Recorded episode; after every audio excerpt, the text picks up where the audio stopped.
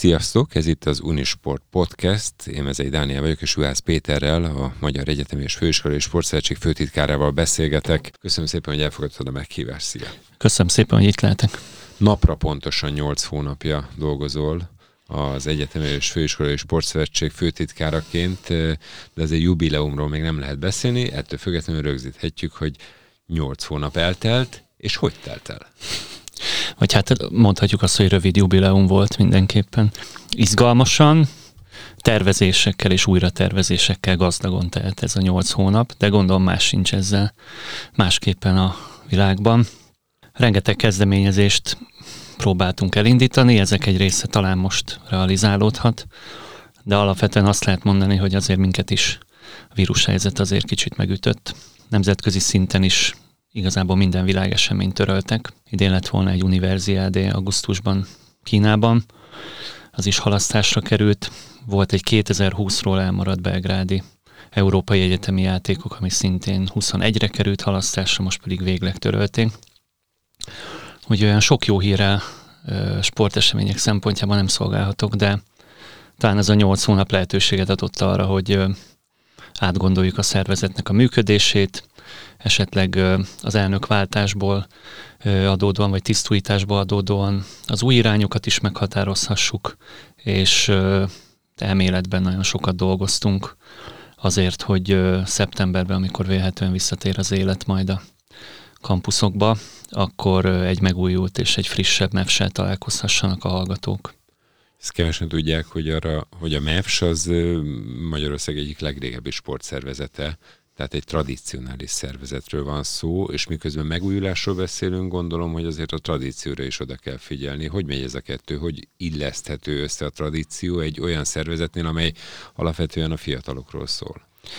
Hát nehezen. Hát ugye, ahogy mondtad is, 114 éves a szervezet idén, de kicsit nehéz ez, hogy a fiatalokat, akik éppen 18 évesen belépnek az egyetemre, és körbenéznek, hogy milyen dolgok közül választhatnak, akkor, akkor nem biztos, hogy a, elsőként az érdekli az egyetemistákat, hogy itt egy 114 éves szervezet a maga tényleg rendkívül gazdag tradíciójával, hanem az, hogy mit tud nekem most mondani, mint egy 18 éves fiatal.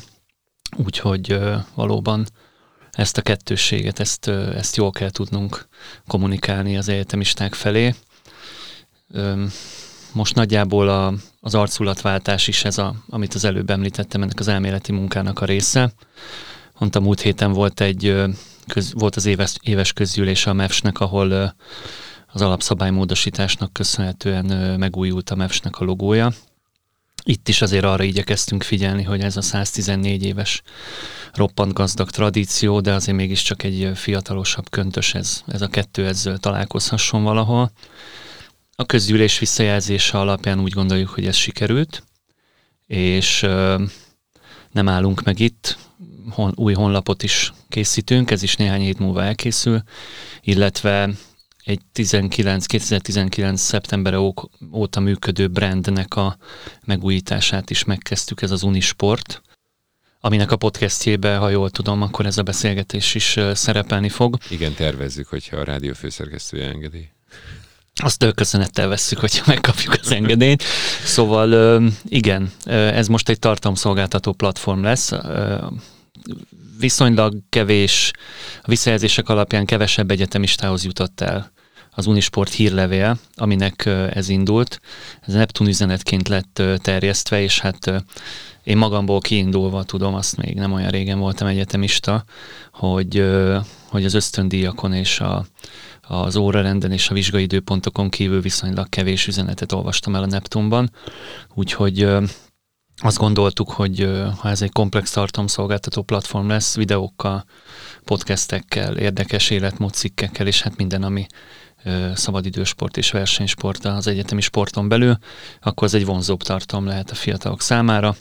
Ez is kapott egy nagyon fiatalos logót, és hát ezt is egy olyan brandként kezeljük, ami ami az egyetemisták körében talán egy kicsit könnyebben megfogható. Utaltál rá, hogy nemrég voltál egyetemista, fiatal sportvezető vagy. Hol dolgoztál eddig? Most ezt úgy kérdezem, hogy jobb, ha nem én mondom el, mert én tudom, de talán a hallgatók nem tudják. Jobb is, hogyha nem olvasod fel az önéletrajzomat, igen.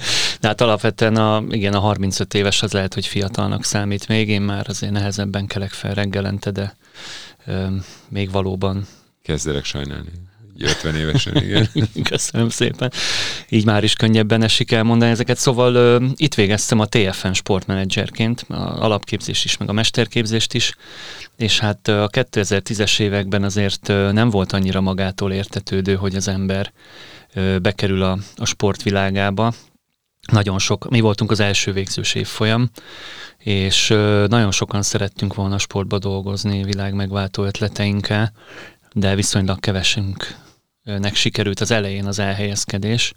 Aztán persze jött a TAO és a látványcsapat sportágak fejlődésével sokaknak sikerült később kiemelt sportág fejlesztésnek köszönhetően, hogy sikerült elhelyezkedni, de nekem igazából szerencsém volt. Tehát én elkezdtem önkénteskedni a jégkorong világbajnokságon, meg a jégkorong nemzetközi eseményeken, és pont akkor ment nyugdíjba a versenybíróságnak az elnöke, amikor én arra sündörögtem, és a főtitkárral találkoztam a folyosón, és mondta, hogy nem kereselte mostában munkát, mert lehet, hogy lenne valami, és mondtam, hogy hát próbáljuk meg, de azt azért tudni kell, hogy én úgy kerültem oda, hogy még nekem ott magyarázni kellett a les szabálynak a pontos leírását. illetve a vonala. Igen, és ez a tilos felszabadítás se volt annyira egyértelmű számomra, úgyhogy... nem is úgy hívják.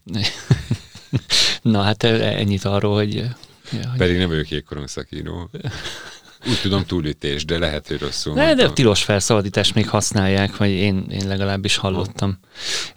De, de tény, hogy így kerültem oda, és aztán ez a organikusan hozzánőttem én is a, a feladathoz, tehát ott, akkor voltam 24 éves, éppen hazajöttem a Kölni Sportfőiskolából, és hát munkát kerestem, és ez jött, tehát azért nem arról van szó, hogy a, ezzel a diplomával és nulla tapasztalattal olyan nagyon sokan sorban álltak volna, értem. De aztán, ahogy szokott lenni, négy évet lehúztam ott, viszonylag azt nem mondom, hogy mindenkinek a megelégedésére, mert olyan nincsen, de azért viszonylag sikerült ott egy jó időszakot eltöltenem egy időben. Azóta se tudtam megragadni sehol ennyi helyet, de ennek nyilván most elmondom az okait is. A Jégkorong Szövetségtől is azért jöttem el, mert egy amerikai ösztöndíj lehetőséget kaptam, és hát kár lett volna kihagyni még így 28-29 évesen azt, hogy Amerikába tanulhassak egy-másfél évet, úgyhogy azért szakítottam a jégkorong sportággal.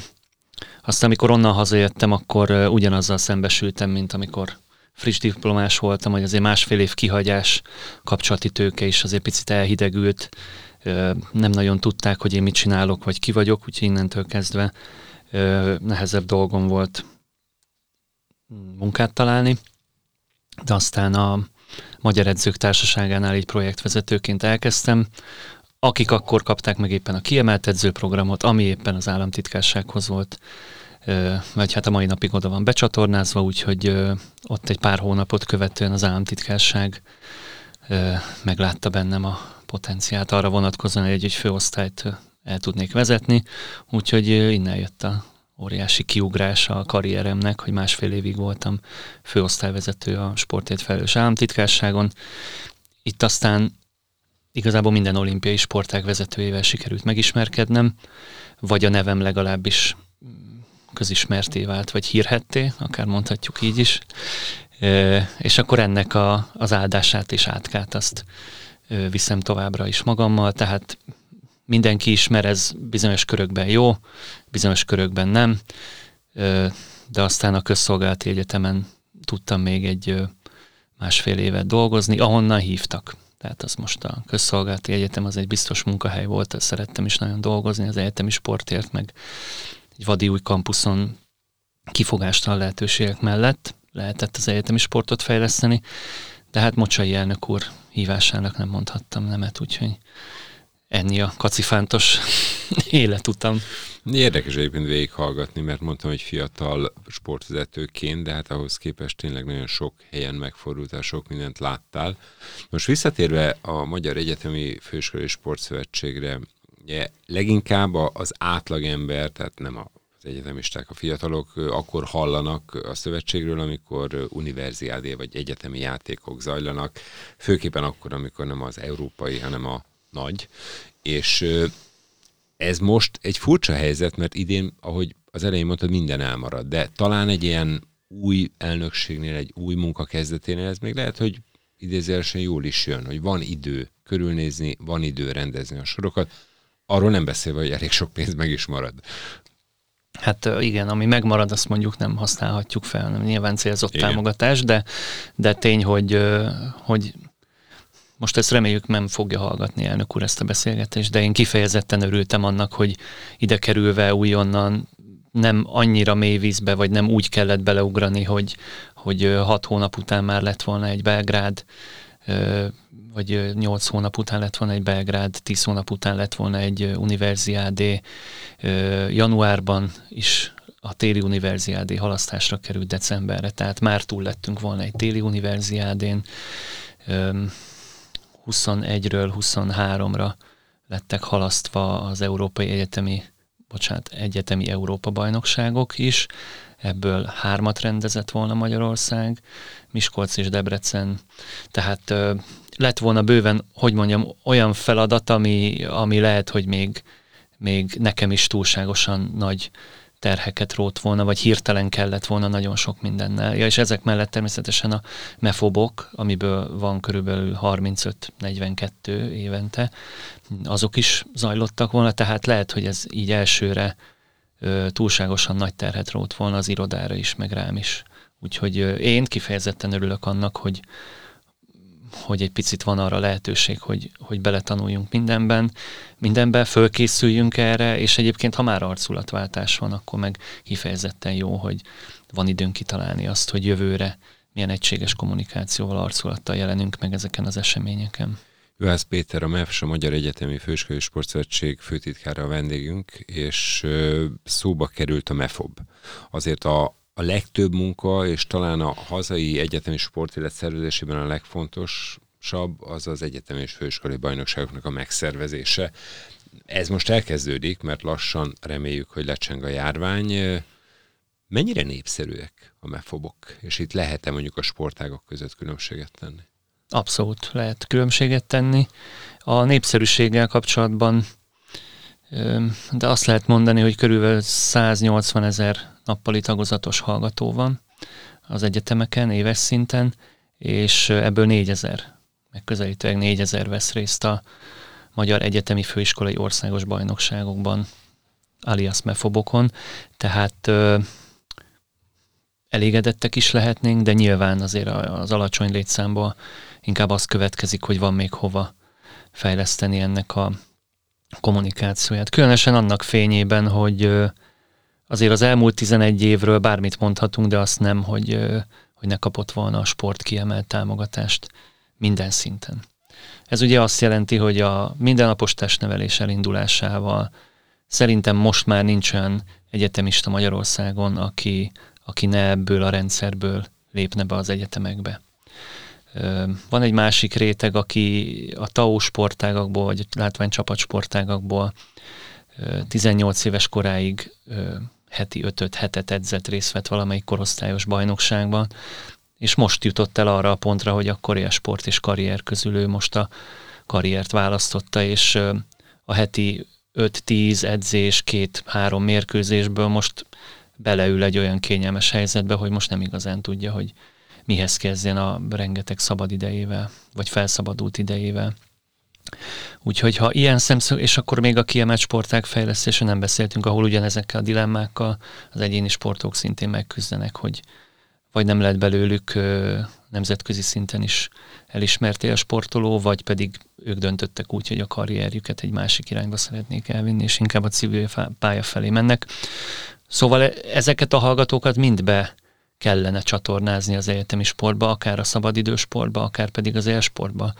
Tehát bőven van feladat, hogy ezeket a hallgatókat megszólítsuk, és elmagyarázzuk nekik azt, hogy már pedig van ez a bajnokság is az adott sportákban annyira színvonalas, hogy érdemes legyen neki nem levezetni, hanem abszolút úgy részt vennie, hogy akár 22, 23, 25 évesen is még komolyan gondolja a sportot a tanulás mellett. Tulajdonképpen ez a szövetség hivatása, nem? Abszolút. Igen. És ebben a nagy egyetemek, ebben a hivatásban mennyire partnerek, legyen szó egy műszaki egyetemről, egy Debrecenről, egy eltérről, egy Testneves egyetemről, tehát, tehát mennyire működnek együtt az egyetemek a MEF-sel?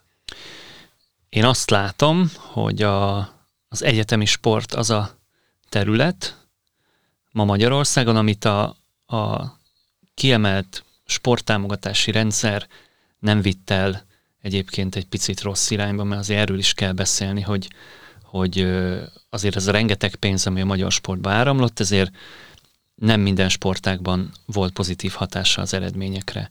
Az egyetemi sportnak a, az éves költségvetési támogatása azért nem közelíti meg nyilván egy-egy nagyobb sportág támogatását. Ezáltal az itt dolgozó testnevelő tanárok és edzők és szakemberek, akik ezek körül, a klubok körül vannak, ők abszolút szenvedélyből és szerelemből és abból csinálják, hogy, hogy húsz éve ezzel foglalkoznak, és ez a mindenük. Tehát abszolút elhivatottak.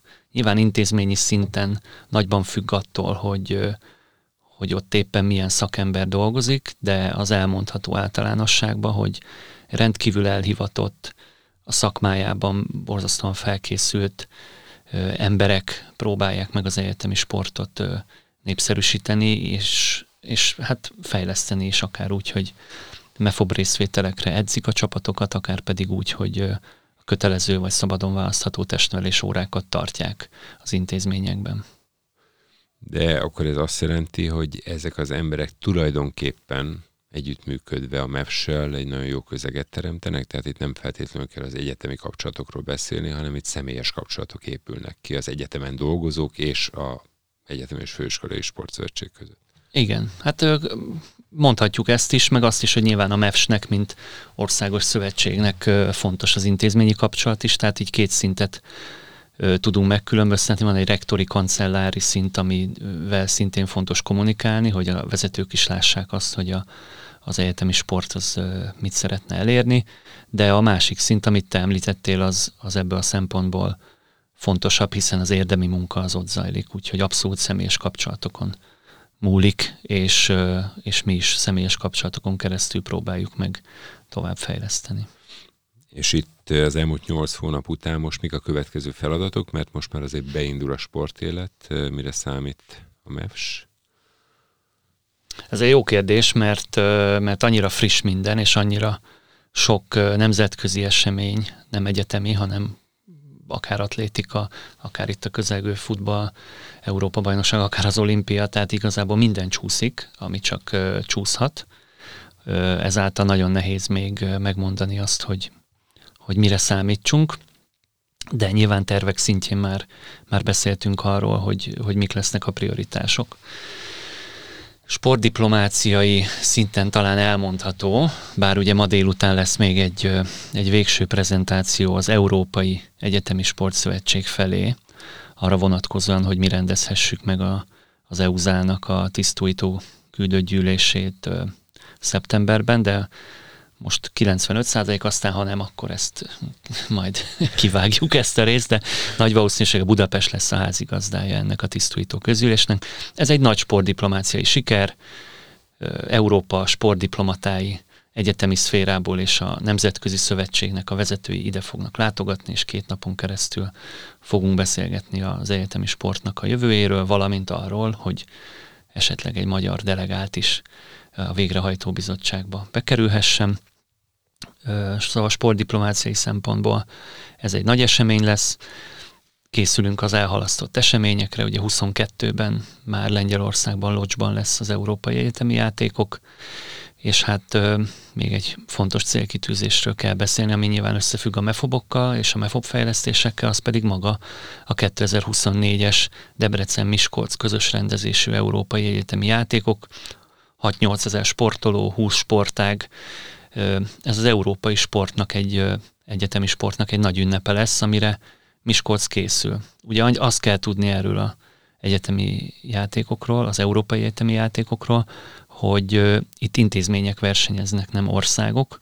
Magyarul a MEFOB fejlesztéseknek 2024-ig kiemelt célja kell, hogy legyen az, hogy az intézményi sportot fejlesz és megerősítse, ugyanis az intézmények fognak ott megmérkőzni egymással, és hát nyilván az a célja a magyar államnak is, meg a MEFS-nek is, hogy, hogy egy sikeres szereplés legyen ott a Magyarországon megrendezésre kerülő eseményen. Úgyhogy van teendő bőven a 22-es univerziádéról. Nem beszéltem a 21 decemberi téli univerziádéról, nem beszéltem. Szóval nagyon pesgő életet várunk onnantól kezdve, hogy visszatérhetnek a hallgatók a kampuszokra. Juhász Péter volt a vendégünk, a Magyar Egyetemi Főiskolai Sportszövetség főtitkára. Köszönöm szépen a beszélgetést. Én is köszönöm. Mezei Dánielt hallották. További szép napot.